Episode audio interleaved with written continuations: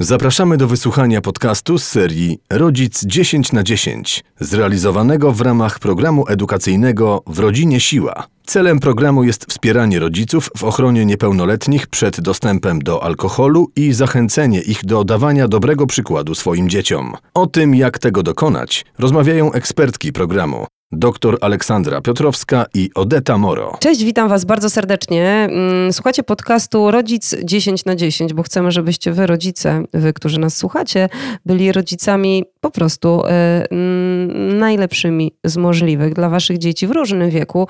E, dziś skupimy się trochę na nastolatkach, bo to one często sięgają po tak zwaną butelkę. Lubią sobie na przykład e, poeksperymentować i mówiąc kolokwialnie, chlapnąć. Co zrobić, gdy nasz nastolatek pije alkohol? Sporadycznie, a może systematycznie. No właśnie, różnie bywa. Doktor Aleksandra Piotrowska, psycholog. Dzień dobry, cześć, cześć. Dobry, dzień dobry, cześć. Nastolatek słynie z tego, że lubi eksperymentować albo próbować rzeczy, których wcześniej nie próbował. Alkohol jest jedną z nich. Y, co zrobić, gdy widzimy, y, że nasz syn, córka w wieku naście lat y, wraca do domu no, i wzrok ma mętny? Dwa największe błędy w tej sytuacji to Karczemna awantura, to jest błąd numer jeden. Y, taka udawanie, natychmiastowa karczemna. Tak, taka natychmiastowa, a y, drugi błąd to udawanie, że, że nic się nie stało, niczego nie zauważyliśmy. Y, układamy dzieciątko spać, starannie przykrywamy, co by nie zmarzło i, i tyle to, to, są, to są błędne sposoby. Awantura y, człowiekowi, wiesz, zrobiona człowiekowi, który nie jest przecież w pełni władz umysłowych, może tak się y, naj, najogólniej wyrażę, jest zupełnie bez sensu. To znaczy, być może troszeczkę rozładuje nasze, nasze napięcie, ale niczego dobrego i konstruktywnego z tego nie, nie może y, wyniknąć. A niezauważanie, że się coś wydarzyło, Y, to tak jakbyś wprost powiedziała e, dzieciakowi, y, nie ma sprawy, nie ma sprawy, y, nie mówmy, nie mówmy o tym w końcu, nic się nie, nie stało. To tak jakbyś wydała przyzwolenie na to, żeby takie rzeczy się powtarzały. No i tutaj no znów niedobra informacja dla, dla rodziców. No jak, jak zawsze nie można w wychowaniu liczyć na to, że jedną rozmową, jednym wieczorem spędzonym na, na dyskusjach z młodym człowiekiem załatwimy sprawę. Żeby nasze dziecko miało rozsądny stosunek do, do y, alkoholu i zachowywało się odpowiedzialnie, to my musimy wcześniej przez te paręnaście lat w mądry sposób wobec niego postępować na skrzyżowaniu z alkoholem. No właśnie, bo mówisz paręnaście lat, czyli my musimy zacząć tę rozmowę dużo, dużo wcześniej, wtedy, kiedy wydaje nam się, że to jest w ogóle jeszcze niepotrzebne? Y, tak, no bo nam się tak właśnie wydaje, że o seksie to trzeba rozmawiać dopiero wtedy, y, kiedy pojawiają się oznaki y, dojrzewania płciowego, o alkoholu dopiero wtedy, kiedy nastolatek zaczyna wychodzić na pierwsze imprezy bez kontroli dorosłych, albo kiedy przed nim pierwsze wakacje z rówieśnikami, prawda? Bo to jest też taka sytuacja. A to nie, nie, nie tak y, działa. Żeby wypracować u dziecka, y, mieć wpływ, no bo to przecież dziecko kształtuje sobie swoje poglądy i przekonania, ale żebyśmy my mogli mieć wpływ na ich ostateczny kształt, to musimy wpływać przez wiele lat, a nie w czasie jednej y, rozmowy.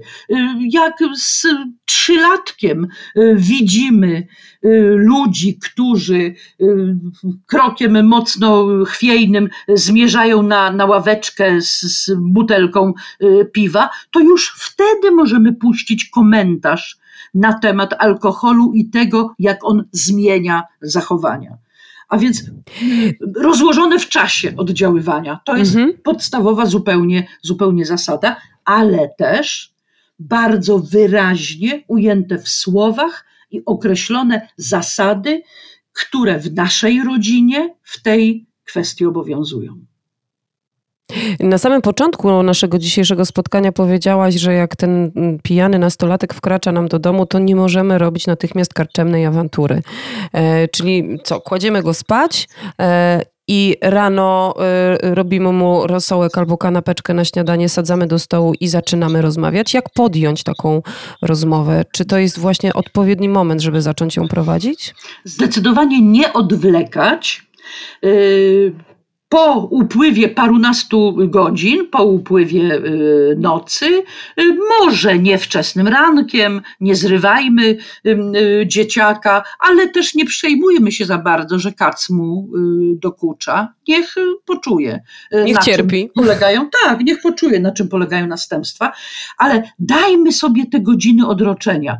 Po pierwsze, dlatego, żeby ochłonęły nasze emocje, po drugie, dlatego, żebyśmy razem z naszym współmałżonkiem czy naszym partnerem przegadali najpierw sprawę sami i ustalili, jak chcemy poprowadzić rozmowę z nastolatkiem. Słuchajcie, strasznie ważną rzeczą jest to, żeby w tej kwestii rodzice dogadali się najpierw ze sobą, a potem dopiero wobec nastolatka prezentowali wspólny front. Bo wiesz, bardzo często jest tak, że jedno z rodziców y, głęboko wierzy w to, że tak jak przed 18 rokiem życia nie ma mowy, żeby Małola dostał samochód, i sobie nim gdzieś pojechał. Nie, bo prawo mówi, że, że to jest niedopuszczalne. Dokładnie tak samo jest z alkoholem. Przed 18 rokiem życia mamy podejście zero-jedynkowe nie ma żadnego alkoholu. A drugi z rodziców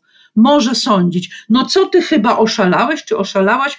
Przecież w domu dziecko powinno się zetknąć ze wszystkim po raz pierwszy. Chyba lepiej, jak spróbuje z ojcem, y, matką, jak smakuje y, wino, piwo czy, czy nawet wódka, oczywiście w małych ilościach, niż ma to mhm. robić poza, poza domem. Więc najpierw dorośli niech ujednolicą y, swoje poglądy w tej sprawie. Rozumiem, że w tej kwestii kwestii y, pogląd pod tytułem Niech spróbuje razem ze mną w domu. Y, taki pogląd też może być poglądem właściwym. Moim zdaniem nie. Mhm. I tutaj no, po prostu mamy różne, różne stanowiska w tej sprawie. Słuchaj, jeśli będę wychodziła z założenia, że y, ze mną może spróbować, przy mnie może wypić, to, to, to jest, przestaje, to zostawiamy otwarte drzwi. Tak? To uchylamy pewne drzwi. To uchylamy pewne mhm. drzwi i y, prowokujemy nieszczęście, prowokujemy myślenie u y, małolata, no że przecież Bartek, Gośka i Krystyna to są mi y, tak samo bliscy jak rodzina, a może nawet i bliżsi. Mogłam z mamusią statusiem, to mogę teraz i z nimi y, trzasnąć jakieś winko czy inną y, buteleczkę. Sama sama wtedy otworzyłam te drzwi y, na próbowanie, próbowanie y, alkoholu. Ale mam świadomość, że, że poglądy w tej kwestii wśród nas dorosłych są różne. I nasz mhm. podcast y, tutaj pewnie wielkiej rewolucji nie jest w stanie sprawić. Wiesz, jeśli mam y, przekazywać dziecku argumenty przemawiające y, przeciwko y, piciu przed skończeniem 18 lat, to muszę móc ze szczerym spojrzeniem i uczciwością w sercu te argumenty przekazywać. Jeśli, no moim zdaniem, wystarczający i rozstrzygający jest chociażby ten jeden, wiesz, że to jest sprzeczne z prawem że tego po prostu Tak, to jest wolno. podstawowy, bardzo ważny argument, a żyjemy mhm. w państwie, gdzie y, są pewne zasady i są po to, żeby ich przestrzegać. To tak samo jak z przepisami na drodze.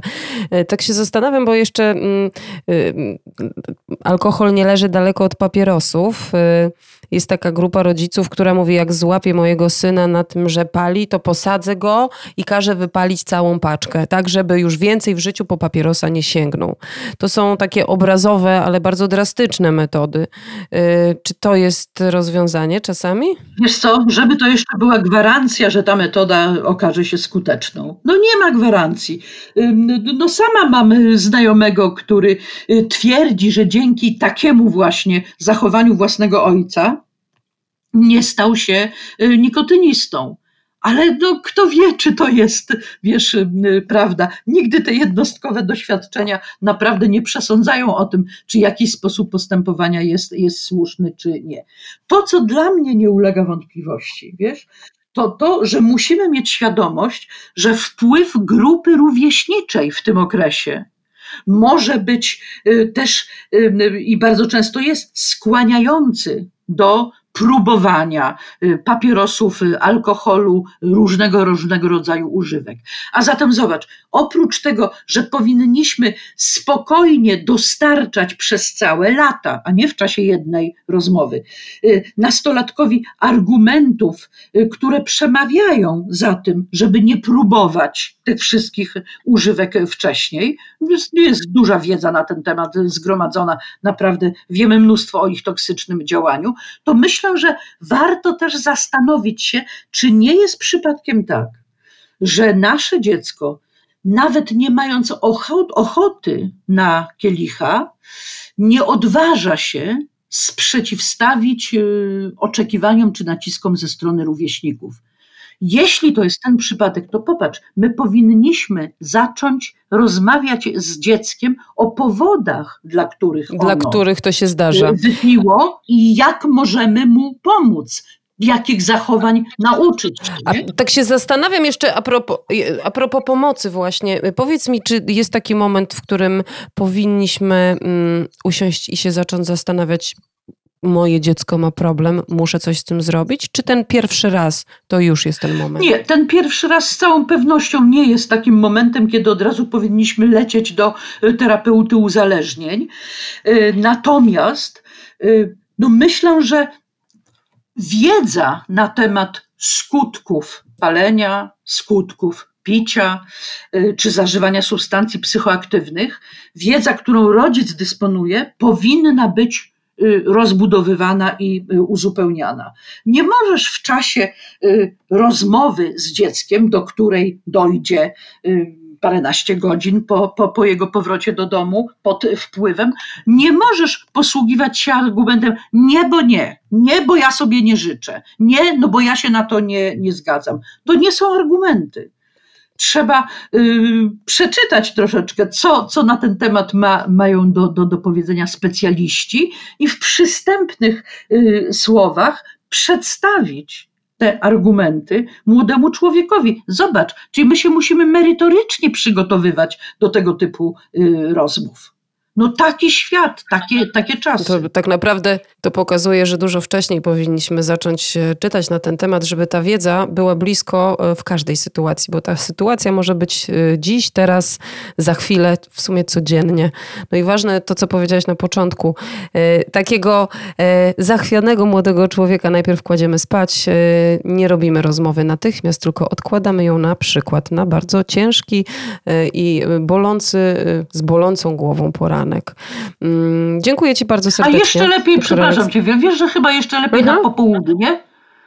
Na, na popołudnie, kiedy popołudnie. młody człowiek już może w miarę, w miarę przytomnie analizować, brać, brać udział w rozmowie z nami. W Dokładnie. dyskusji.